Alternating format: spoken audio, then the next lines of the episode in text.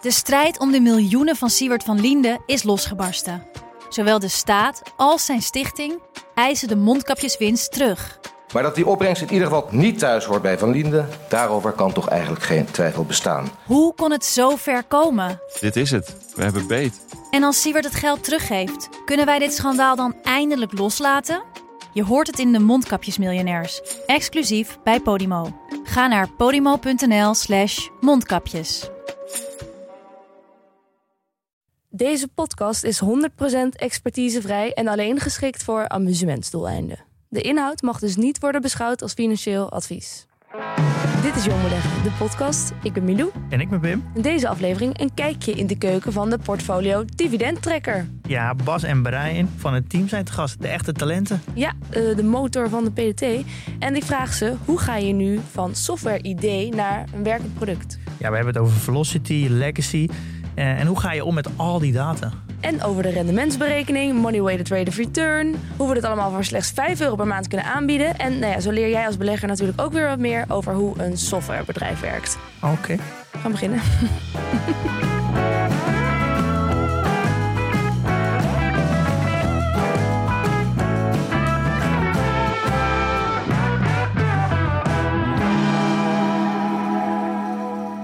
Ja, Ah, die lampjes nog wat in? Of? Hij is Ja. aan. dat hier aan staat. Alles is on record from now on. Dames en heren, bij wijze van hoge uitzondering zit ik niet met één, maar met drie mannen in de studio vandaag. Te weten, nou ja, het kloppend hart van de portfolio dividend tracker. Ja, de echte talenten. Ja, want natuurlijk, ja, jij bent daar één van. Eh, de aanvoerder misschien wel. Maar ook hier nu te gast zijn een developer en een designer. En dat zijn Bas Dobbelaar en Brian de Beek. Welkom jongens. Ja, dankjewel. Ja, dankjewel. Ja, leuk om er te zijn. eh. Ja, nu zitten jullie een keer aan de andere kant van het, eh, van het plaatje. ja, ja, we hebben natuurlijk... eh, nou, ik weet niet, Pim, hoeveel afleveringen heb je inmiddels al opgenomen? 100, Maar, eh, 18? dit is de 118e. ja. precies. En na, na dan 118 afleveringen is het wel leuk eh, ja, om een keertje aan te mogen schuiven. Hoe heb jij deze mannen aan je weten te binden, Pim? Er is een heel groot tekort aan technisch personeel volgens mij. Toch? Ik zag laatst die documentaire van ASML. Over dat, dat het eigenlijk het grootste probleem is dat ze niet genoeg mensen kunnen vinden. Nou, dit, ik heb met eh, Bas en Brian in het verleden gewerkt. Ik denk, eh, hoe lang kennen we elkaar nu? Acht jaar of zo? Negen jaar? wel, ja. Dus eh, ja, dat werkt altijd heel goed. We zijn denk ik een heel goed team, kennen elkaar heel goed. Allem, allemaal hele hoge standaarden. En, eh, ja, het, eerste wat je gaat doen als je iets nieuws begint... is dat je natuurlijk naar de, naar de mensen toe gaat die je goed kent. Ja. En waar je altijd mee fijn hebt samengewerkt. Maar in kwam een- ik heel snel bij, eh, nou ja, eigenlijk gewoon direct... bij eh, Bas en Brian uit. Maar in een wereld waar dus personeel zo schaars is, hebben jullie denk ik ook de wereld aan jullie voeten. Jullie kunnen echt kiezen waar je wilt werken. Weet ik niet hoor, die assumptie maak ik even. Maar klopt het ongeveer? Nou ja, ik weet niet. ehm, ja, er zijn natuurlijk heel veel kansen op dit moment, omdat, je, omdat er veel mogelijkheden zijn. Ehm, maar ja, uiteindelijk is het ook gewoon dingen doen wat je leuk vindt. En, eh, ja. ja. en dit was voor mij wel een hele spannende uitdaging om eh, een keertje zelf iets te gaan ondernemen. Komt het specifiek door Pim dat je ja hebt gezegd? Of was het ook het idee van de portfolio dividendwerker waarvan je dacht, ja, daar, daar wil ik aan meewerken? Eh, nou, eerlijk gezegd, eh, eigenlijk Pim kwam naar me toen nog voordat de podcast eh, was gestart. Toen vertelde, kwam hij eigenlijk alleen nog met een Excel-sheet hij aan. En die, ja, die liet hij aan me zien. En toen dacht ik, oké, gaan we nu een Excel-sheet gaan we nu ombouwen tot design? Ben ik niet meteen in eerste instantie meteen heel warm van. Maar het to- totale plaatje, dat dat eh, meer met de educatieve insteek is. Dat je ja, toch wel een lastige markt eigenlijk soort van beschikbaar maakt voor, eh, voor een eh, brede doelgroep en toegankelijk maakt. Daar zag ik wel heel veel uitdaging in. En die zijn er ook volgens mij volop geweest. De financiële markt lijkt me een hele ingewikkelde om in te opereren. Met al die data en al die gegevens van al die verschillende aanbieders. Tenminste, ik hoor Pim daar af en toe over. Dus ja, in deze aflevering krijgen we eigenlijk een kijkje achter de schermen van wat er voor jullie allemaal zich heeft afgespeeld de afgelopen tijd. En het is misschien ook wel leuk voor mij als iemand die zich ook is bezig gehouden met beleggen, om eens te kijken van hoe werkt nou zo'n softwarebedrijf? Hoe, hoe ga je van, ja, van idee tot product en het hele proces dat daarachter zit? Ja, ik geloof dat uiteindelijk elk bedrijf een eh, softwarebedrijf wordt. Eh, in een bepaalde vorm. eh, en net zoals elk bedrijf sales en HR heeft en marketing, gaat elk bedrijf straks ook eh, eigen designers en eigen developers hebben. En dat wordt, steeds, dat wordt een steeds belangrijker onderdeel van elk bedrijf, omdat dat namelijk zorgt voor schaalbaarheid. Eh, dus het is wel leuk om eens een keer eh, ja, een designer en een developer aan het woord te hebben. Hoe werkt dat nou en waar moet je op letten? Hoe voorkom je nou bijvoorbeeld legacy? Eh misschien goed om dat te starten om uit te leggen wie is wie. Wie is de developer? Ja. Yes, nou ja, mijn naam is Brian. Eh, ja, het is natuurlijk interessant te zitten hier met z'n vier aan tafel. En we zien elkaar natuurlijk. Maar ik kan me voorstellen dat ja, je straks aan de stem natuurlijk moet horen wie er aan, wie er aan het woord is. Dus Nee, we gaan gewoon designer Brian, heet je vanaf nu. Nee, daar ga je al de mist in. developer Developer. Brian. Ja, daar ga je al de fout in. Developer Brian. Developer Brian. Ja, ik, heb, eh, ja, ik ben zelf dus eigenlijk een soort van CTO van, eh, van de Portfolio Dividend Tracker. Eh, heb zelf een achtergrond in eh, computer science, gestudeerd hier in Amsterdam. Ehm ja, ben tijdens mijn middelbare schoolperiode eigenlijk begonnen met programmeren. En toen ben ik begonnen met websites. Nou, vanuit daar ben ik eigenlijk eh, thuis, eigenlijk buiten de studie, eh, bezig geweest ook met Android-applicaties. Wat Android-applicaties gemaakt eh, in de Google Play Store, zeg maar, gezet. Is er iets bij wat we kunnen kennen? Mm, denk het niet. Nee, nee, het is echt al lang geleden. Ja, het is al 15 jaar geleden of zo. Dus ja. Maar waren dat dan dingen die je zelf bedacht? Ja, nou, ik was toen heel erg op zoek naar... ehm, ik wilde gewoon heel graag een applicatie maken. Maar je hebt natuurlijk vaak, dat zie je natuurlijk met PT uiteindelijk ook... dat je hebt gewoon veel data nodig om echt ook iets zinnigs te, te kunnen laten zien.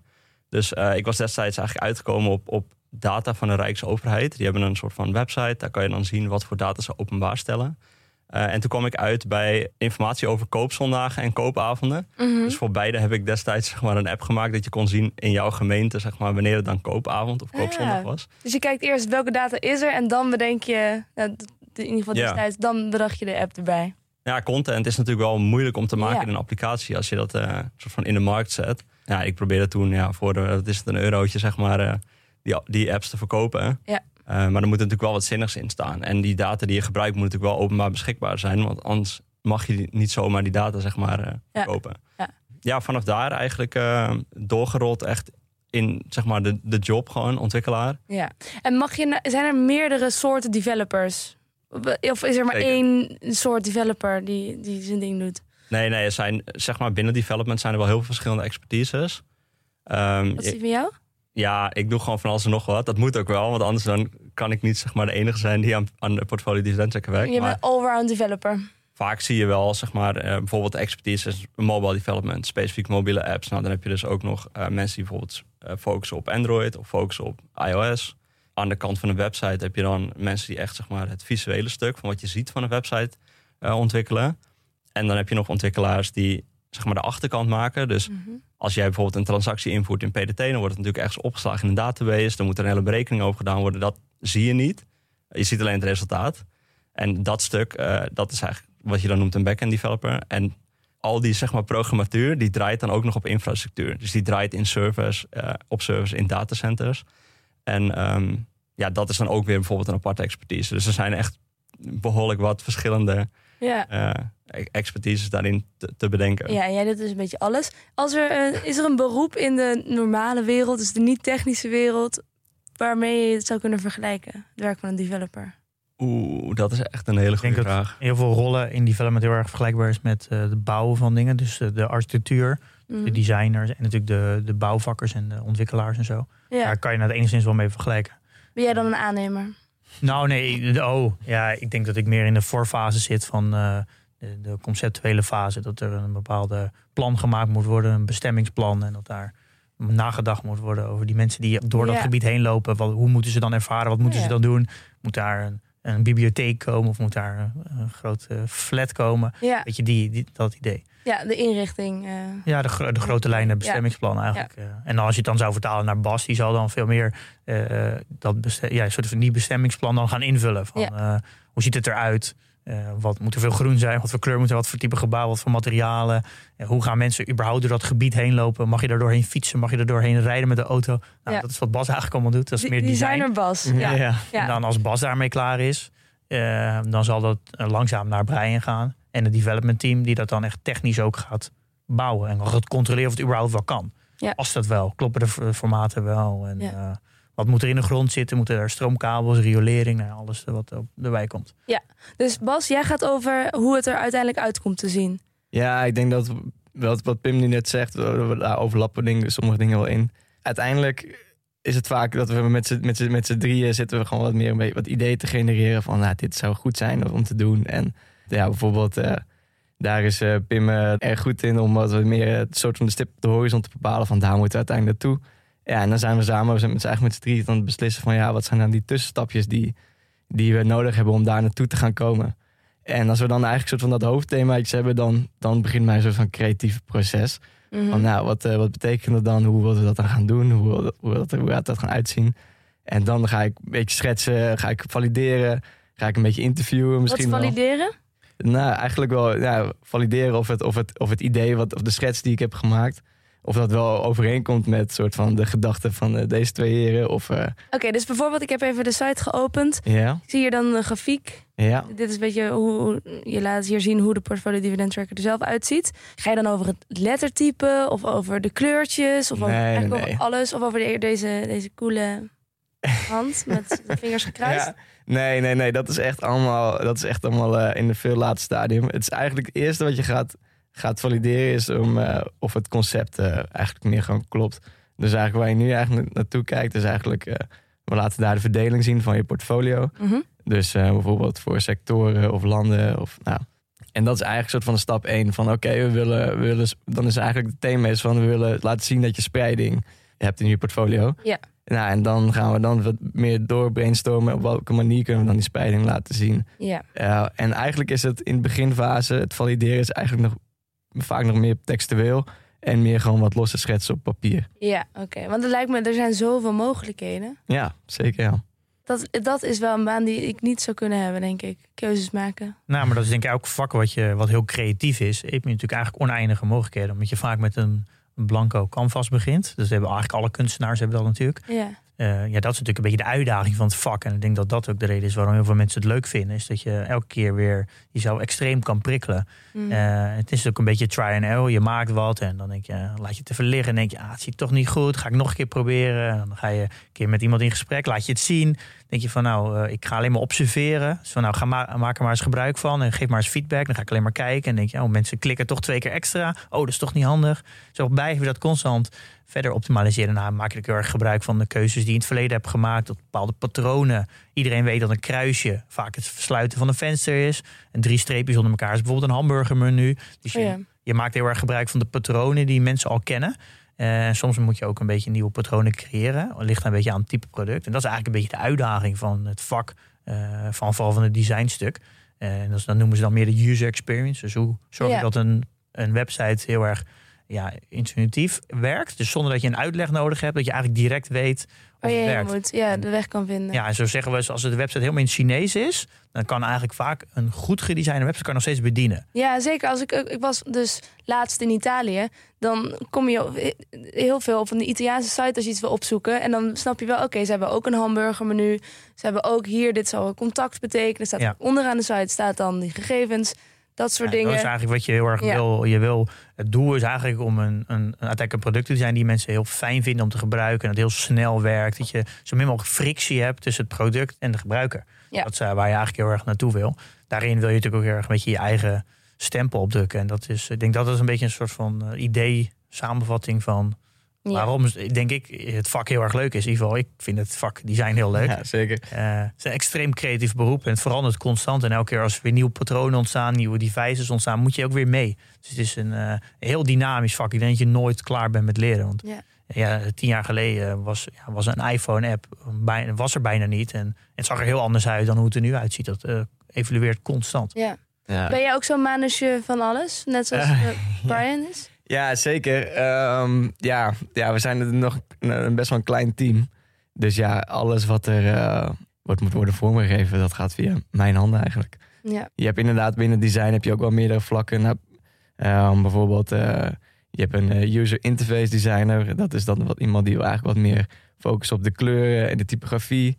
En je hebt dan Mhm. bijvoorbeeld een user experience designer, wat die wat meer kijkt naar de gebruikservaring. Dat Ja. het, ja, dat het goed en makkelijk te gebruiken is. Zoals bijvoorbeeld net bijvoorbeeld eh, de Chinese website. Maar ja, ik doe eigenlijk allebei. En dat valt Ja. dan wat meer onder weer een term. Dat heet dan product designer. Oké. Ik vind het wel leuk om aan toe te voegen. Dat is misschien wel een hele. Wat je heel vaak hoort als je een belegger bent en je bent aan het kijken naar een softwarebedrijf, wordt altijd gesproken over cultuur. En misschien leggen we nu wel heel goed uit waarom cultuur zo belangrijk is. Namelijk je namelijk als één expertise. Dus bijvoorbeeld alleen Bas, die doet alleen dan de vormgeving. Als Bas bijvoorbeeld extreem goed is, maar hij werkt niet goed samen met de conceptors en de developers, Ja. dan is die zo geïsoleerd dat eigenlijk het- dan gaat het product nooit goed werken. Dit, is, ja, dat moet uiteindelijk overgegeven worden naar, naar een andere discipline toe. Want het is wel echt een samenwerking. Ja, dus de, de- het is een soort van symbiose van heel veel verschillende expertises die samenkomen. Maar het zijn allemaal, het is allemaal geen wetenschap. Dus het is allemaal Het zijn allemaal creatieve mensen die allemaal een bepaalde ja, een, een stukje van zichzelf erin stoppen. Ja. En dat daardoor ook gaan verdedigen.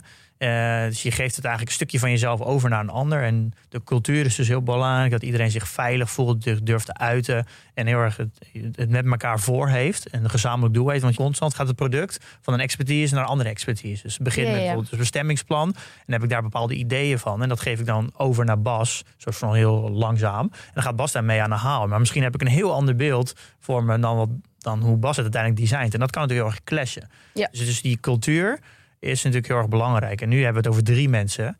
Maar Ja. als het echt een groot product is, dan praat je misschien wel over 30, 40 rollen. Mhm. En dat moet er dus elke keer overgegeven worden. Dus het, elke keer moet het naar de volgende expertise toe. Dus je kan je voorstellen, als ik een verhaal vertel, jij begint met een verhaal en je vertelt het aan Bas, en Bas vertelt het weer door aan Brian en Brian aan mij, dat het een ander verhaal wordt. Ja. Dat is dat spelletje, ken je Ja, wel, dus denk ja, ja, zeker. Laatst Ja. nog gedaan. Ja. Ja. dat spelletje ken je wel. Dit is precies wat productontwikkeling is. Elke keer dat het naar een volgende expertise gaat, dan gaat er eigenlijk wat van het originele idee verloren. Ja, en dan wordt een stukje interpretatie van degene die Ja. het eh, opnieuw weer aanhoort in verwerkt. Dit zie je vaak een probleem bij grote bedrijven die geen goede development cultuur hebben.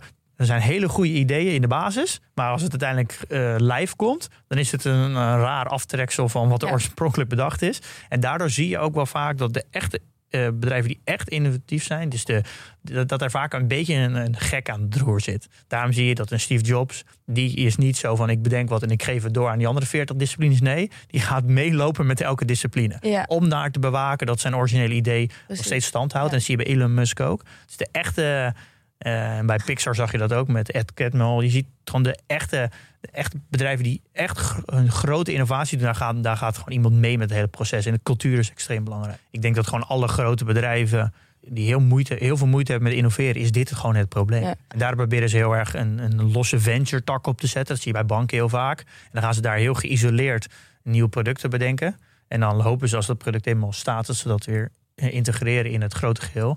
Dit is eigenlijk vaak de reden waarom eh, hele grote bedrijven heel veel moeite hebben met innoveren. En daardoor is cultuur heel belangrijk. Ja, Ehm, dus in die zin zou je kunnen zeggen dat jullie, eh, jullie kleinheid is jullie kracht ook een beetje.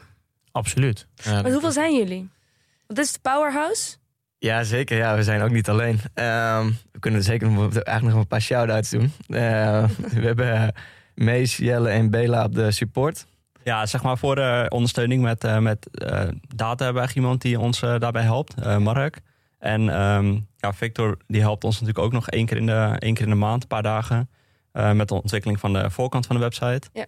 Nou, Vincent heeft eh, destijds zeg maar, de two-factor authenticatie gemaakt. Dus hier en daar Ah, maar zijn er ja, wel wat meer mensen dan alleen de mensen die nu in deze kamer zitten. Wat zeg maar. ja. Maar jullie, zijn, jullie hebben het meeste contact met elkaar. Ja. Hoe vaak is dat?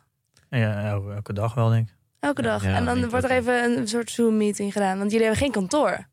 Nou ja, alles gaat tegen. We proberen zoveel mogelijk wel werken remote. En Ja. we proberen wel aardig asynchroon te werken. Dus dat eh, is wel een beetje de nieuwe vorm van werken. Dat je remote en asynchroon werkt. Dat betekent eigenlijk dat je zelf kan bepalen wanneer je werkt. Al hebben we wel eh, een aantal momenten dat je wel even wilt bellen. Eh, maar meestal gaat, gewoon, gaat de communicatie via tekst. En dat doen we via Slack. Dat is overgenomen door Salesforce. Eh, dat is eigenlijk een beetje de Teams variant van Microsoft eh, chat. Die is heel erg bekend onder de, beetje de, de development eh en productontwikkelculturen. Kun je vertellen, bij Radio 1 werken ze er ook mee. Oh, kijk, nou, dan is het gewoon. Tenminste, eh, het webgedeelte. Ja. Dus alle Ja, het web- online... ja, het oh, ja, ja, je hebt gelijk toch? Ja. En ehm, misschien moeten we een beetje de diepte ingaan. Is, Ja, laten we eens kijken naar van. We hebben PDT natuurlijk als het grote voorbeeld. Eh, ik ben wel benieuwd hoe je nou van dat idee wat jij dus op een gegeven moment had, komt waar we nu zijn. Want dan moet on- jullie zeggen wel van ja, nou dan ga je gewoon gebruikersexperience. Maar dat weet je natuurlijk niet allemaal van tevoren. Dus er moet natuurlijk. Er zit een, een heel proces achter om het te krijgen dat het ook daadwerkelijk gebruiksvriendelijk is en dat alles er is. Zeker, ja. ja. ik denk ook sowieso, je gaat ook nooit meteen het gouden ei eh, ga je eigenlijk vinden voor als je zo'n proces ingaat. Denk dat ook het mooie is aan, eh, aan productontwikkeling, dat je eigenlijk continu jezelf blijft verbeteren, ontwikkelen. Ehm, je krijgt weer feedback van gebruikers van eh, dit werkt eigenlijk niet zo goed of zo fijn. En ja, en dan passen we dat eigenlijk gewoon weer aan. Dus zo simpel is het Ja, maar dat vind ik wel interessant in hoe volgens mij developers en mensen die zich met software bezighouden in de wereld staan. Het hoeft niet vanaf het eerste moment perfect te zijn. Nee, dat is de les in ieder geval die ik van Pim heb geleerd. Van, je moet gewoon beginnen en vanuit daar doorwerken. Als er maar een stijgende lijn in zit en als het maar steeds beter wordt. Ja, ik denk dat dat ook wel de techniek is, of de soort van de aanpak heb die we, die we eigenlijk vanaf het begin af aan al meteen hebben aangepakt. Ja, gewoon shippen. Eh, en dan zien we wel of het, eh, Shippen. ja, of, het, of het goed ontvangen wordt of niet. Ja, en vanuit daar kun je weer echt ontzettend veel leren. Want anders blijf je maar door, door eh, ploeteren op dat, dat specifieke punt. Ja. En, dan, ja, ja, en je kan het niet allemaal zelf bedenken van. Nee, tevoren. zeker niet. Ja. Ja. Je moet het ook zien. Als wij zeg maar een jaar bijvoorbeeld portfolio dividend tracker hadden ontwikkeld en gewoon niks naar buiten hadden gebracht, zeg maar, hoeveel feedback wij hebben gehad van gebruikers in dat hele jaar, zeg Ja. maar, dat hadden we dan nooit gehad. En dan hadden we een product gelanceerd en dan was het eigenlijk maar de vraag of het echt goed aansloot op wat, Ja. wat mensen wilden. En omdat we dat helemaal vanaf het begin al gedaan hebben, kregen we ook al heel snel feedback. Weet je, mensen waren heel enthousiast, die gaven ons veel feedback. En daar konden we dan ook echt wat mee. ja, dat is dan... Het is echt een motto in de softwarewereld. Dat zie je ook bijvoorbeeld eh, bij Google, Facebook. Die zijn er extreem goed in. Die lanceren non-stop. Ja, ze noemen dat small bets. Eh, Amazon doet het ook heel erg. Dus kleine productjes lanceren. Eh, kijken of het aanslaat. Oh, het slaat niet aan. Killen ze weer. Ik denk dat het, de kerkhof van Google en, Meta is zo insane groot. Ja. Maar ja, als je, dat, als je die cultuur hebt van constant shippen, shippen, shippen, testen, testen, testen, oh werkt niet, weghalen, totdat er iets blijft plakken. Het is een beetje spaghetti gooien een muur.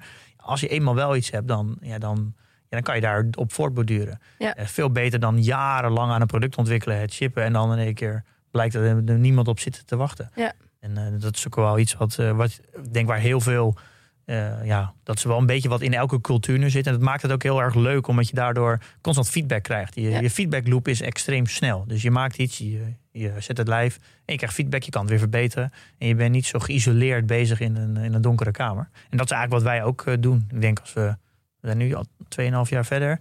Ik twee jaar verder. Ik Ja, denk als we naar de eerste wel, ja. versies kijken, Ja. dan krijgen we tranen van in onze ogen. en, eh, pijn. er is ook een, een mooie quote dat je zegt: als je, als je je niet schaamt voor je eerste versie, dan heb je te laat geshipped. Dat is een beetje zo'n eh, zo'n quote. En dat is wel een Ja. beetje het idee. Je moet gewoon veel sneller. En dat is een beetje met de podcast ook. Wij hebben, als je de eerste aflevering terugluistert, denk je, nou. Maar ja, dat is, Ja. Je, je, je, je, je wordt alleen maar goed als je, als je, Ja. als je, het, eh, als je ooit een keer begint. Ja. Maar Bas, hoe, hoe, eh, als die, die, die iteraties heel belangrijk is, hoe ga je dan om met, hoe ontvang je überhaupt feedback en hoe ga je daarmee om? Ja, dan moeten we openstaan voor kritiek natuurlijk. ook. Zeker weten, ja. en dat is eh, niet altijd makkelijk, maar, eh, maar ik denk dat dat juist wel een van de belangrijke dingen is. eh, ja, als vormgever, dat je juist open staat voor kritiek als je ook iets maakt voor, voor gebruikers. Ja, je kan wel een soort van je eigen soort van richting doorduwen, maar ja, als dan uiteindelijk de mensen weglopen, dan heb je daar ook niet zo heel veel aan. Mhm. Maar ja, om in, die, in contact te blijven. We hebben dat in het begin hebben we dat heel veel gedaan, ook via de community. Toen heb ik ook nog best wel veel designs gedeeld en een soort van gedachtensprongen die ik had eh, gedeeld. En daar, ja, dat was echt super waardevol om, om op die manier ook soort van één op één in contact te staan met de gebruikers. Eh, op een gegeven moment werd het, werd het community wel even te groot om die discussies eh, soort van te, te blijven volgen. Dus dan ga je het weer even iets kleiner zoeken. Mhm. Maar ja, op dit moment ja, hebben we ook gewoon best wel vaak nog feedback. Mensen die gewoon via support een bericht sturen van... ja, dit werkt niet helemaal lekker of ik snap dit, kom hier niet helemaal uit. Ja, en als daar toch gewoon meerdere soort van dingen opstapelen... dan moet je daar gewoon iets mee doen, want dan is het gewoon simpelweg niet goed vormgegeven. Ja. Ja, wat misschien daarin ook wel leuk is om te zeggen... ik vind het altijd best wel belangrijk dat je wel altijd echt luistert naar, je, naar de feedback. En wat we daar bijvoorbeeld hebben voor ontwikkeld... is dat we ieder idee of wens die iemand heeft...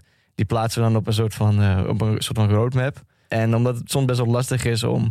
ja, uiteindelijk wil je alles gewoon gaan oppakken... maar om die prioriteit te bepalen... laten we dan mensen eigenlijk stemmen op iedere wens of idee... waardoor ieder, ja, eigenlijk de gebruikers ook ons kunnen helpen... met van wat eigenlijk de grootste prioriteit is om... eh, op te gaan pakken. Ja. En op die manier kun je denk ik wel een soort van gezonde dynamiek van dat je luistert en dat je ook eh, ja, kijkt wat op dit moment de meeste prioriteit is. ja, het geeft ook richting. Ja, Ja. zeker. Zijn er zaken geweest waar je het moeilijk over eens kon worden?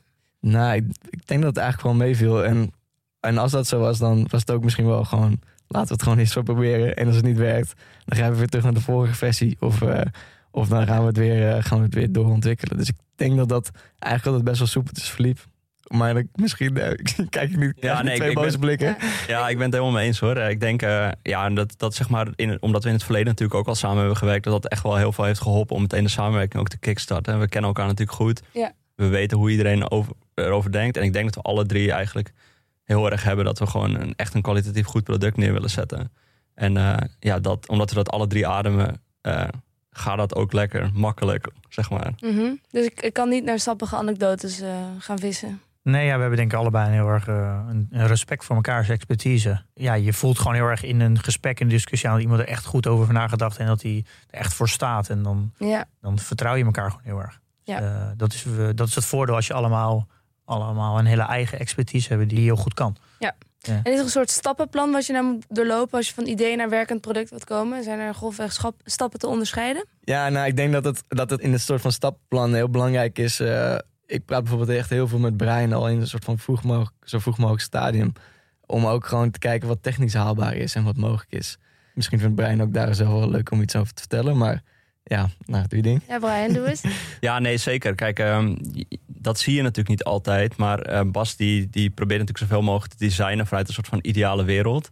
Ja, en dan kom ik natuurlijk soms als advocaat van de duivel om de hoek. En dan zeg ik van ja, als we dit doen, dan is dat gewoon bijvoorbeeld eh, misschien wel een paar maanden werk om te maken. Of Ah, een paar weken. En als we misschien dit net iets anders doen, dan is het misschien maar een week werk. En, Ja. en zo kijken we natuurlijk wel van ja, we hebben een bepaalde hoeveelheid tijd die we natuurlijk eh, kunnen besteden per dag. aan de ontwikkeling en aan het, zeg maar, het uitwerken het van het visuele stuk.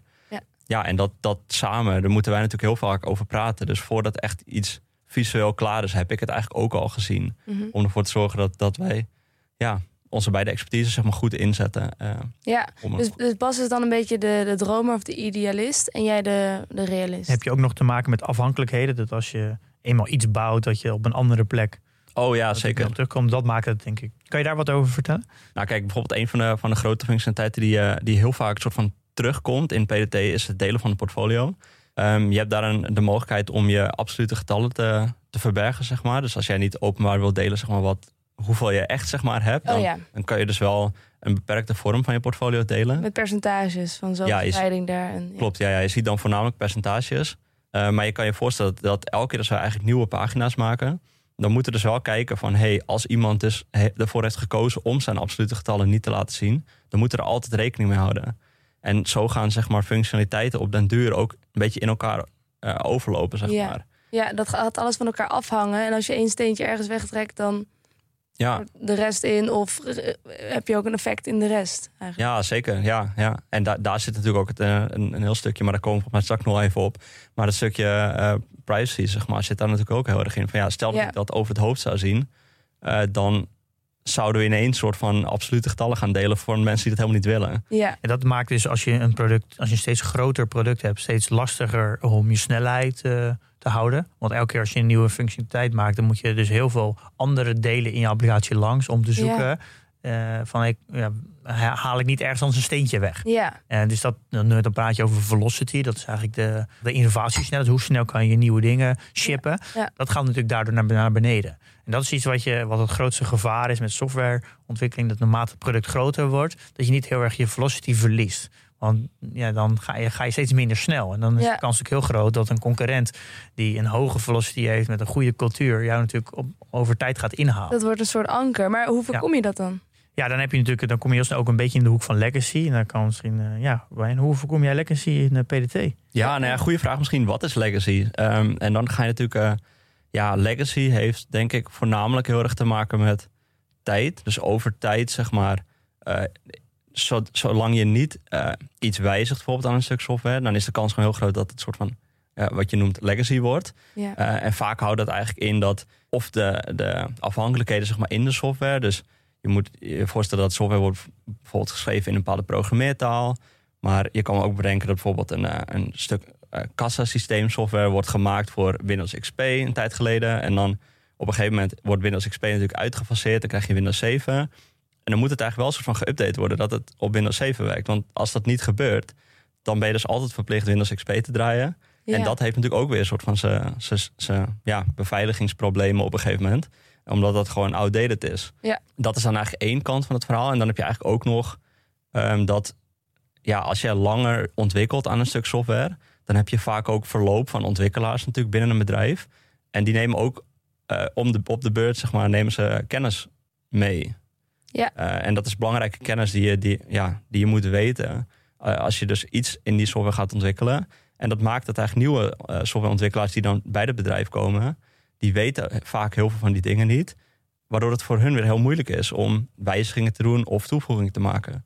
En zo ga je steeds meer over legacy praten. Het wordt gewoon steeds moeilijker om nieuwe of wijzigingen uh, aan te brengen aan software. Ja, dus je kan het een beetje vergelijkbaar met het als je een bedrijf hebt en je wil, je moet opleiden, je wil mensen blijven bijscholen, dan dat is een soort van onderhoud van je kennis van je personeel. Als je dat niet gaat doen, dan ga je natuurlijk op korte termijn meer winst te maken, want je gaat op kosten bezuinigen. Maar ja, op lange termijn dat natuurlijk heel erg gevaarlijk. Want op een gegeven moment eh, krijg je gewoon als, hele, als heel bedrijf gewoon een kennisachterstand. En dat is denk ik ook met je software heel erg. Uh, je ziet bij heel veel bedrijven daarom zie je ook dat er echt wat oudere beleggers niet graag in software beleggen.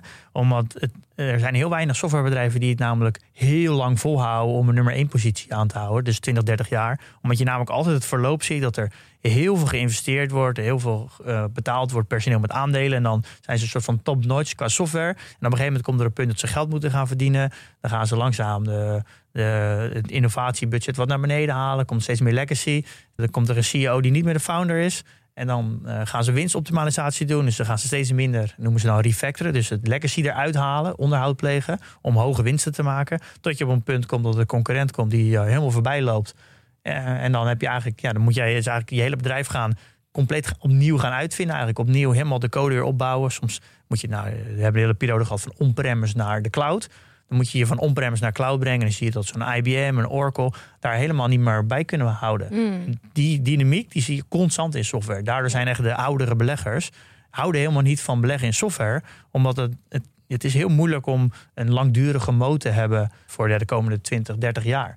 Daarom is bij Ja, development cultuur zo belangrijk dat je ze eigenlijk altijd onderhoud pleegt. Ja. En, en dat je nooit gaat zeggen, we gaan op de korte termijn voor winstoptimalisatie. Om gewoon goede cijfers te halen. Maar je moet altijd onderhoud doen. Want dan kom je nooit in die, in die cyclus dat je alles opnieuw moet bouwen. Ja. En Ja, ja, als een soort APK om te voorkomen dat Ja. de machine vastloopt. innovatie kan je alleen doen als je onderhoud ook goed doet. Ja. Dus je zal altijd een bepaalde onderhoud moeten plegen. En daardoor zie je toch ook dat de, echt het management waar een ingenieur in, in het management zit, of vaak zelfs je CEO is, dat die bedrijven het op lange termijn veel beter doen, want die begrijpen dit principe heel erg. ja, Dus, ja. eh, Ja. Dus dit- dit is een beetje in globaal de reden waarom eh, softwarebedrijven het heel moeilijk hebben eh, op lange termijn. En ik denk dat Microsoft een heel mooi voorbeeld die is van on-premise naar de cloud gegaan met Satya Nadella. Ja, die hebben echt, Microsoft was echt bijna een beetje opgegeven. Nou, dat kan je ook zien in de beurs. Het was zo ver gezakt. Je kon hem op een gegeven moment kopen volgens mij voor nou ja, echt twaalf keer de winst. En eh, de huidige CEO heeft dat net op tijd geturnd om Microsoft weer helemaal naar de cloud eh, te brengen. Maar dat is echt een kantje boord geweest. Mm. Eh, anders was Microsoft nooit zo groot geweest als het nu is. Dus, dat zie je heel veel. En er zijn heel veel bedrijven die dat niet gelukt is. Zoals een Oracle, een IBM. En nou, al, al die grote techreuzen uit de jaren 80, 90.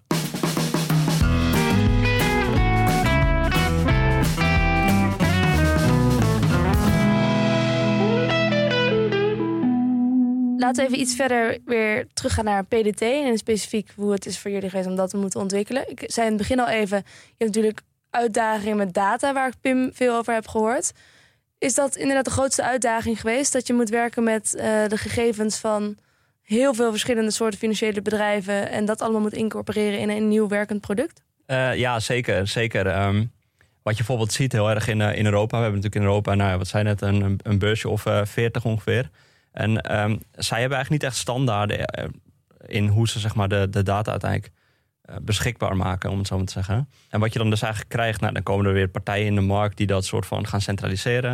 Nou, daar werken wij dan uiteindelijk weer samen. Dan krijg je ook weer dat het dan data doorgeven is. Dus dat de kans weer groter is dat er ergens iets fout gaat.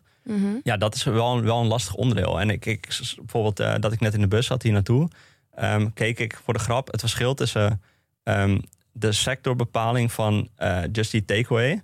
Dan zegt Euronext dat het technology is, zeg maar. Ja, En bijvoorbeeld een eh, soort van een Bloomberg-achtige partij, zeg maar. Die eh, zeiden dan dat het consumer cyclical was, weet je wel. oké, ja. En ja, dat, die vraagstukken, daar zit je constant mee. En, en we krijgen ook wel eens dat soort vragen op support. Weet je, van waarom is bijvoorbeeld een bepaalde eh, aandeel eh, ingedeeld in een bepaalde sector of een bepaald land. Sommige Mhm. bedrijven, het is een soort van gestatueerd in zeg maar een, een specifiek land. Maar ze, ze voeren hun bedrijfsvorming echt gewoon overal uit. Ja, Weet je wel, Shell is bijvoorbeeld, nou ja, wat zit een mooi ze nu? voorbeeld. Ja, ze zitten nu natuurlijk in, eh, in Groot-Brittannië volgens mij. Ja. ja, zij voeren natuurlijk over de hele wereld eigenlijk gewoon. Ja. Dus ja, ga je dan Shell onder Groot-Brittannië zetten? Of zouden dan Ja. eigenlijk heel erg moeten kijken naar wat is hun afzetmarkt? Maar Nou ja, dat is toch, dan moet je, jij je bezighouden als developer met dingen waar jij eigenlijk, dat is niet jouw expertise. Klopt. Maar Dus hoe ga jij dat bepalen dan? ja, nou, dat is dus een hele, hele goede vraag. En, en een hele moeilijke uitdaging ook. Van, zouden wij dan op een gegeven moment iets moeten maken waarmee we een soort van de alle gebruikers van PET de mogelijkheid geven om dat soort van gezamenlijk Oh, te doen? Het stemmen Of- of, of- zo. Ja, bijvoorbeeld. Of, of zouden wij ja, een, een soort van redactie moeten hebben van allemaal mensen die hier heel hoog ingeschoold zijn, die dan samen gaan bedenken wat de waarheid is. Ja. Dat zijn gewoon heel veel verschillende oplossingen voor. En Nu gaat mijn eh, creatieve brein gaat aan. Ja? Hoe denk jij er dan over, Bas? Nee, ja, nog geen idee. Maar ja, er zijn wel inderdaad ideeën van eh, hoe je zou dat met een bepaalde community kunnen oplossen. Dan ga je als designer, denk je er dan over na. Nou, we hebben, hier hebben we het al e- wel eens eerder over Maar gehad. je- deze problemen zijn al geweest, dus hoe hebben jullie dat aangepakt dan? Nou, op dit moment nog niet.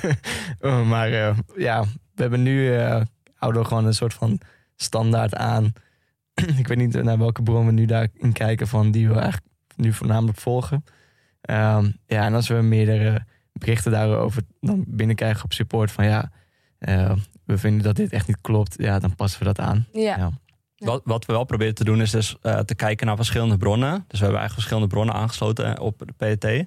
En dan kijken bijvoorbeeld eh, bij sector kijken we wel van hey, wat is soort van de, eh, hetgene wat het meest genoemd wordt, zeg maar. Dus als er dan een, een uitzondering ergens in zit, dan eh, filteren die er eigenlijk al uit. Want dan is bijvoorbeeld de drie van onze bronnen zeggen A en de eh, een andere zegt B. Nou, dan weten we natuurlijk dat A grotere kans de waarheid is. Ja. Of in ja. ieder geval de, de beste waarheid. En je moet ook maar uiteindelijk gewoon werken met de, de data die je krijgt. En je weet ook niet altijd of dat even goed van kwaliteit is, lijkt me, of wel? Ja, zeker. Ja, Hoe waarborg je dan dat het, dat, het, dat het klopt wat er in BDT staat? Ja, we kijken, in die end is het nu gewoon zo dat wij uiteindelijk die data natuurlijk gewoon inkopen. Maar wij proberen dus, wat ik net eigenlijk ook zei, van we hebben verschillende bronnen. En daarmee proberen we natuurlijk wel de kwaliteit iets op te krikken. Dat als er zeg maar oneffenheden in zitten, dat we die wel weg proberen te halen. Mhm. Maar ja, ja, het is zeg maar ongelooflijk hoeveel eh, technische systemen erachter zitten voordat die data uiteindelijk bij ons terechtkomt. En de kans dat er natuurlijk ergens iets fout gaat, is gewoon best wel aanwezig. Want als een andere partij een soort van bug in hun software hebben, ja, dan komt dat eigenlijk ook gewoon bij ons terecht. Ja. En wij moeten dan iets doen om, om soort van, ik ben dan software aan het schrijven die eigenlijk van om hun bug heen gaat werken. Jeetje, het is nog veel ingewikkelder eigenlijk allemaal dan ik dacht. Dat is ook verder ook een uitdaging. Je, je wil eigenlijk werken met dataleveranciers die, de, die zo dicht mogelijk tegen de brokers aan zitten en de beurzen. Want dan haal je natuurlijk heel, heel veel tussenpersonen ertussen uit. Mhm. En als een bedrijf ook data levert aan brokers, dan heb je, heb- hebben ze al een enigszins een hoog niveau. Dus dan kan je wel spreken van bijna 99% zekerheid, omdat een broker daar namelijk zijn koers op baseert. Dus je probeert zo, zo hoog mogelijk in de boom te zitten. Maar dat heeft natuurlijk ook wel een prijskaartje, want die partijen weten natuurlijk heel goed dat ze, een, ja, hoe hoger in de boom wordt er natuurlijk, zijn er minder concurrenten. Dus dat betekent dat de prijs ook heel erg omhoog gaat. En daar zit je constant mee te, ja, dat is een beetje een soort van balanceeract van wanneer kan je weer een nog duurder pakket nemen, nog betrouwbaarder. En eh, wanneer moet je het op een andere manier oplossen? Ja. Ja, en je wilt voor gebruikers natuurlijk de prijs zo laag mogelijk houden. Het is nu 5 euro per maand. dat is denk ik ook wel een, een hele grote uitdaging. En dit is, nu weet ik ook wel heel goed waarom er geen goede software is voor particuliere beleggers. Omdat het namelijk gewoon heel complex is. Eh, het is heel moeilijk om het rendabel te houden met hele lage prijzen. Dus moet je hele hoge aantallen hebben. Ja. Nou, dat is denk ik de reden waarom heel veel bedrijven ervoor kiezen om naar de B2B-markt te gaan. Want dan kan je je prijzen gewoon keer, t- nou, misschien wel keer 50 doen. Eh, en ja, die betalen dan wel. Eh, Ja. Dus dan heb je natuurlijk veel minder, minder klanten en een hogere marge. Dus, Ja. daarom is, is eigenlijk de, de, de retailmarkt een beetje vergeten. Dat biedt natuurlijk wel kansen, maar dat heeft wel weer eh, zijn uitdagingen. Dat is namelijk het betaalbaar houden, vooral als ik het zo hoor. Eh, ja, dus het is altijd een beetje een trade-off eh, Want waar haal je anders nog je marge vandaan? eh, massa. Want hè? deze mensen die hier met mij aan tafel zitten, die zijn ook niet gratis En natuurlijk. massa moet je hebben. hè. Dus, massa dat is een beetje waar het spelletje wat we spelen. Gewoon zoveel mogelijk mensen in PDT krijgen op lange termijn. Ja. En dan de kosten eigenlijk zoveel mogelijk verdelen over zoveel mogelijk mensen. Eh, dat is eigenlijk een beetje het, het spelletje van, de, van wat wij nu spelen. Ja. Eh, dat kan eventueel meewerken als we ook naar andere landen in Europa gaan, waardoor je natuurlijk sneller kan groeien en eh, Ja. eh, de prijzen kan houden. Maar dat is ook constant een beetje een uitdaging. Je- of je gaat heel erg high-end zitten, dus hele hoge prijzen met een hele kleine groep. Of je gaat meer voor de massa en dan moet je wat meer betaalbaarder blijven. Dat is een Ja. beetje een, ja. En Brian, ik heb nog gewoon, voordat je hier aan begon, wat zijn nu de dingen die waar je eigenlijk wat nu wat je heel erg tegenvalt? Wat had je niet verwacht dat dat bijvoorbeeld heel moeilijk of complex zou zijn? Ehm, ja, ik denk voornamelijk zeg maar, de manier waarop brokers hun data ontsluiten... is natuurlijk eigenlijk voor ons gebruikers heel belangrijk. Omdat dat ja, mede mogelijk maakt dat, dat gebruikers hun data kunnen importeren bij ons. En ehm, ja, het aantal zeg maar, gekke foutjes dat ik heb gezien in de, in de CSV van de Giro, zeg maar, die we nu importeren... dat is echt zo ongekend hoog. Dat, je merkt gewoon dat het voor hun, weet je, voor de Giro is natuurlijk niet het belangrijkste van hun product dat er goede CSV geëxporteerd wordt. En dat merk je wel gewoon heel erg. Ehm, en dat is eigenlijk ook de reden dat we nu nog niet heel veel verschillende ja, brokers ondersteunen die we importeren. Omdat het gewoon echt best wel veel werk is om dat dan per broker echt gewoon echt goed te doen. Weet je, we willen natuurlijk elke, elke regel, elke corporate action willen we uiteindelijk gaan importeren. Zodat je echt perfecte beeld krijgt van je portfolio. En daar is gewoon, uh, ja, dat is gewoon best wel een grote uitdaging. En daarnaast heb je natuurlijk te maken met, omdat iedereen ja, zo'n transacties, dividenden, corporate actions van jaren terug inlaat, zijn er gewoon ontzettend veel verschillende mogelijke scenario's te bedenken. Bijna soort ongekend, weet je wel.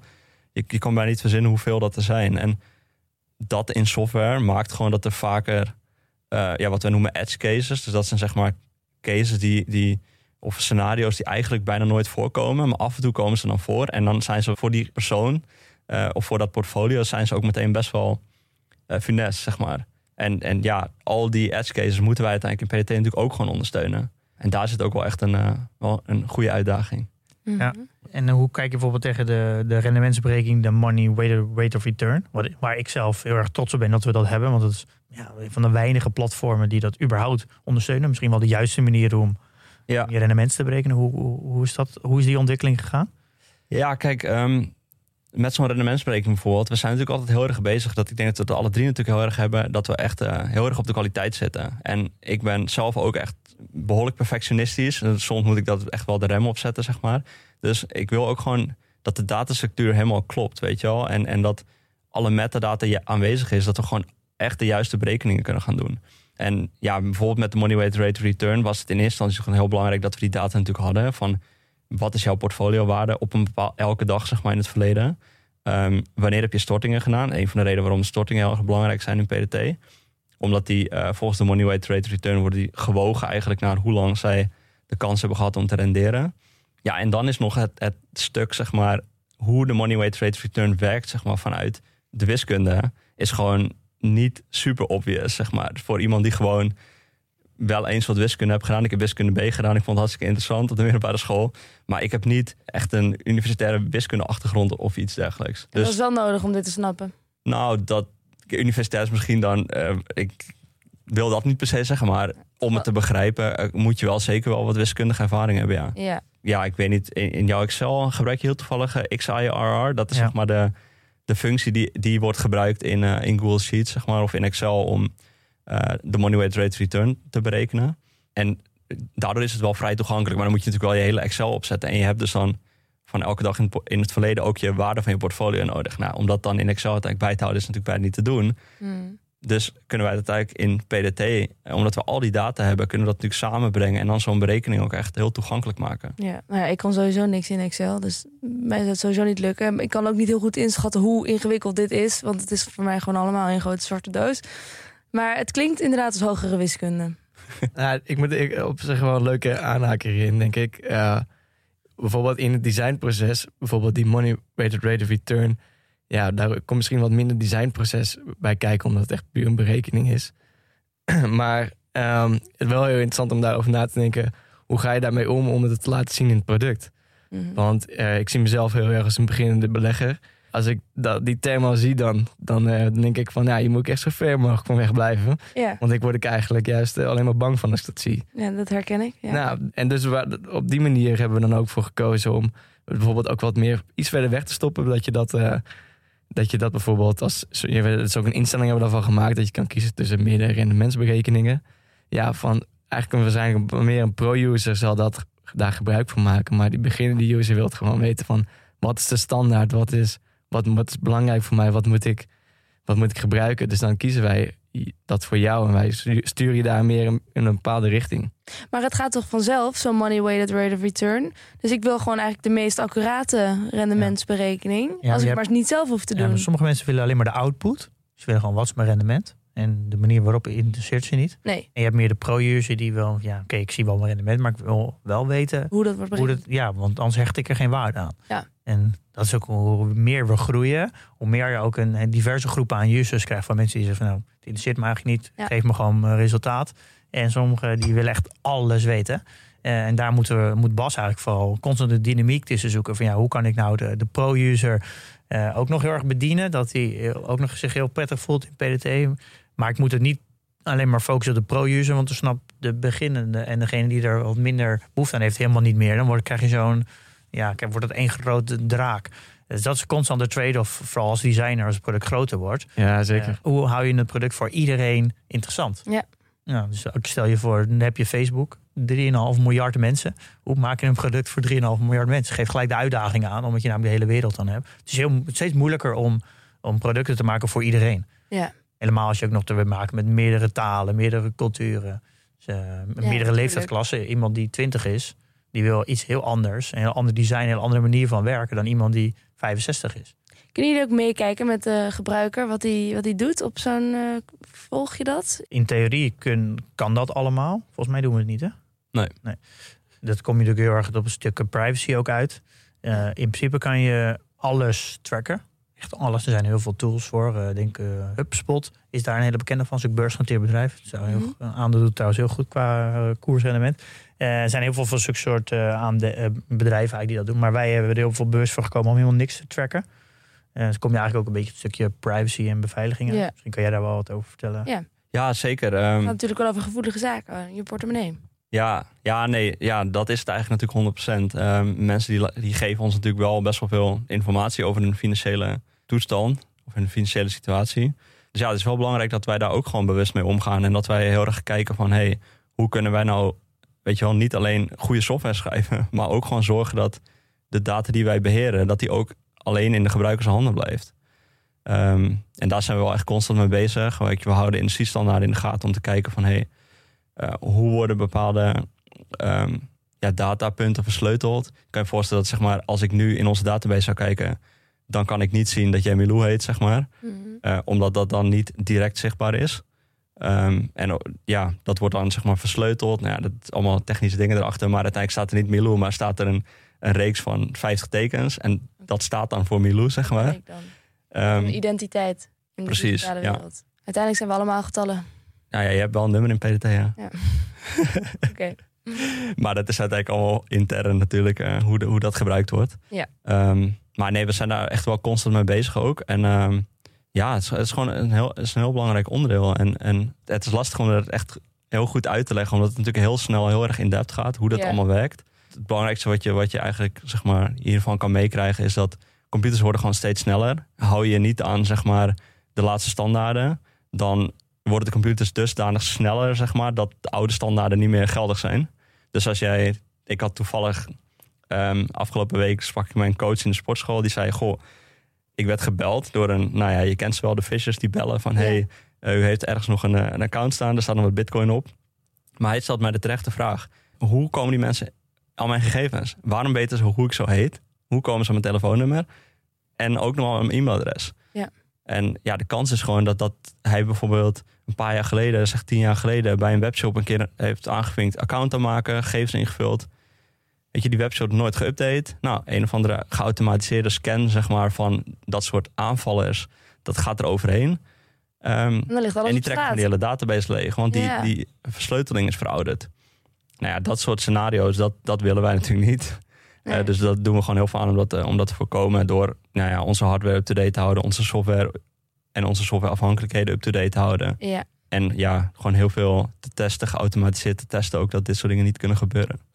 Dat is vooral op beveiliging en privacy is, is natuurlijk meer, dat is meer een keuze. Ja, ja, privacy is natuurlijk ook bijvoorbeeld dat iemand zijn portfolio deelt zonder absolute getallen. En dan moeten we natuurlijk wel heel zeker zijn dat eh, dat, dat dan ook echt altijd zo is, zeg maar. En als Ja. we even in de toekomst kijken, hoe weet ik zeker dat jullie de PDT blijven updaten? En dat die gegevens nooit op straat komen? Als zolang jij lid blijft, Milou, krijgen wij gewoon geld en kunnen wij gewoon door. Kun je gewoon aan het werk blijven? Ja. Nou, dat is natuurlijk wel het, het, het verdienmodel met software is natuurlijk wel heel eerlijk, want het is een het zijn uh, ja, korte, kortlopende abonnementen. Je kan natuurlijk kiezen om een maandabonnement te nemen. Dus als er natuurlijk een keer een lek is, ja, dan kunnen wij natuurlijk eigenlijk wel onze biezen pakken. Uh, dus dit is gewoon, ja, dit is gewoon een van de allerbelangrijkste onderdelen ja. van ons bedrijf. Waardoor we daar altijd heel veel aandacht aan besteden. En zolang mensen natuurlijk klant blijven, hebben wij inkomen, ja. dan kunnen we daar ook tijd aan besteden. Dus het is natuurlijk houdt elkaar een beetje in stand. Ja. Het is gewoon altijd een heel groot onderdeel in ons ontwikkelproces. En het is natuurlijk een heel mooi model, want wij, wij verdienen niet geld door data te verkopen of andere of advertenties of andere vormen. Wij hebben maar één vorm van inkomsten en die is gewoon heel zuiver. En dat is uh, gebruikers betalen per maand of per jaar. En daar, dat is ons inkomen. Ja. Dus dat is heel erg het voordeel dat we een, in direct in lijn liggen met de klant. We hebben geen belangenconflict. Ja. Dus uh, als wij een, een, applicatie maken wat mensen fijn vinden en ook wat ook dicht is, dus uh, dat niet lek heeft, dan blijven mensen klant en daardoor blijven wij inkomen. Ja. Dus, die, dus die, de lijn de klopt gewoon heel erg. En dat is ook heel fijn aan software als mensen per maand betalen. Is dat de, de, de incentive van de makers en de klant blijven in lijn. En dan nog even over inkomen en de toekomst. Uh, hebben investeerders zich al gemeld? Uh, nou, er zijn in de beginfase wel wat, uh, wat investeerders geweest. Of angel investors. Dat heb je altijd natuurlijk met, uh, met software. Daar hebben we ook een keer een aflevering over gemaakt met, met Jeroen. Ja, elke, elke vorm van externe investeerders geeft weer zijn eigen dynamieken. kijk, een investeerder wil ook een return maken. Het is natuurlijk net, zijn net beleggers. Maar omdat er ook nog eens ja, een hoger risico is, wil je ook meer return. En dat zorgt er voor een hele andere dynamiek in je bedrijf. Kijk, als je een return wil maken, is in 9 van 10 keer een exit. En in een exit ja, moet je hard groeien om ook uh, ja, een hogere exit te kunnen hebben. En dat past niet heel erg in de manier hoe wij graag willen werken. Uh, wij hebben er heel bewust voor gekozen om, uh, om zoveel mogelijk tijd te besteden aan onze expertise. Omdat we dat het leukst vinden. En als je hard groeit, dan krijg je weer managementlagen. Dus dan zal je, weer, zal je juist weer uit je expertise gaan. Ja. Dus wij kiezen er heel bewust voor om klein te blijven, klein team zoveel mogelijk tijd te besteden aan, uh, aan je eigen expertise. Want dat is wat we leuk vinden. Daar halen we plezier uit. En uh, uiteindelijk uh, ja, de klanten te laten betalen voor het product. want als we venture capital zouden nemen of andere vorm van investeren, dan zal je heel snel voor groei gaan. Dus dan zal je het product gratis maken, ga je hard groeien, ga je onderweg data verkopen. Oh ja. Dus dan krijg je een heel ander, je business wordt heel erg anders. Ja, ja, ja. Dus dit is eigenlijk ja, een hele bewuste keuze. Okay. Uh, heeft wel weer zijn eigen uitdaging, maar dat heeft elke vorm van, uh, elke vorm Ja. van een bijvrouw heeft zijn uitdaging. Ja. En we voelen ons hier heel comfortabel Ja, mee. en dus tijd kunnen jullie lekker richten op jullie expertise. Waar werken jullie op dit moment aan? Nieuwe feature? Eh, ja, dat zijn er eigenlijk wel drie, denk ik. Ligt er even eentje uit? Ja, ik denk wel dat de meest gevraagde feature op dit moment is de, is de benchmark. Dus eigenlijk dat je, eh, je eigenlijk je portfolio kan vergelijken ten opzichte van de S&P bijvoorbeeld. Wat nou als ik al mijn eh, transacties had gedaan in de S&P, had ik dan beter geperformd of minder geperformd? Dus daar zijn we nu echt eh, hard mee bezig om dat, eh, om dat te realiseren. En ehm, ja, ik denk dat die eh, binnenkort wel een keertje gaat komen. Maar ik zie al bij Brein al het zweet uitbreken als ik hierover begin. Ja, kijk, met de benchmark is het natuurlijk heel interessant dat we De realist. We, ja. Ja. we willen gewoon de benchmark ook echt heel goed doen, zeg maar. En ook echt eh, uiteindelijk, ja, de manier waarop de Money Weight Return werkt, maakt dat over het algemeen je, je percentages iets meer opgeblazen zijn. En een simpele benchmark door gewoon te zeggen van nou, we, we laten gewoon de lijn van de S&P zien, zeg maar, qua, qua eh, prijsverloop. Mhm. Dat werkt dan niet, want daar zit die opblazing, zeg maar, van die Money Weight Rate Return niet in. Dus wat we echt gaan doen is gewoon we kijken naar je startportfolio. Weet je, daarvoor kopen we dan S&P. Het is niet letterlijk natuurlijk, maar allemaal gesimuleerd.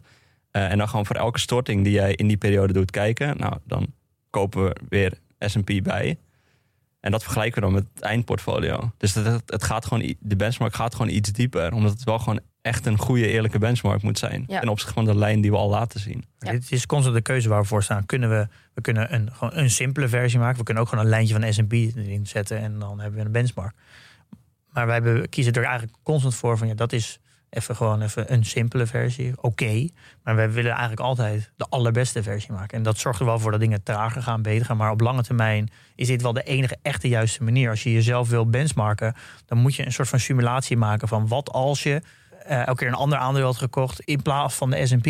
Wa- Wat voor effect heeft dat? Dus dat is de enige echte benchmark. En dat is, daardoor is die benchmark ook heel persoonlijk. Want het is letterlijk gesimuleerd op jouw gedrag. Ja. Eh, en dat zie je gewoon, dat is er gewoon niet. Dat is gewoon nergens. En dat is de manier hoe wij eh, PDT bouwen om iets te bouwen wat, wat echt 100% correct is. Waar we achter staan, waar we zelf blij van worden. Wat we zelf graag willen gebruiken. Ja, en daardoor creëer je een, op lange termijn een soort van vacuum of one. Eh, Een product wat er gewoon ja, niet te vergelijken is met andere producten. Ja. Omdat het het enige echte juist is.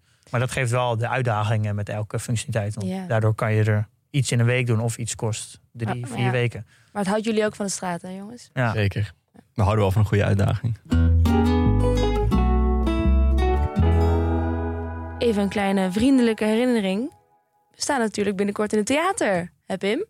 Welk theater? Met een kleine komedie. Natuurlijk. Zaterdag 29 oktober vanaf 2 uur zijn wij met Podcast en Chill. Zij eh, helpen ons met het organiseren van dit hele programma. eh, in de kleine komedie met een heel middagvullend programma. Aansluitend een uitgebreide borrel. Ik neem aan, Bas en Brian, dat jullie er ook bij zijn. Oh jee. Uiteraard, ja, we zijn er uiteraard. zeker bij. En de rest van het team ook? Ja, sowieso. Kunnen hele weer PDT-team.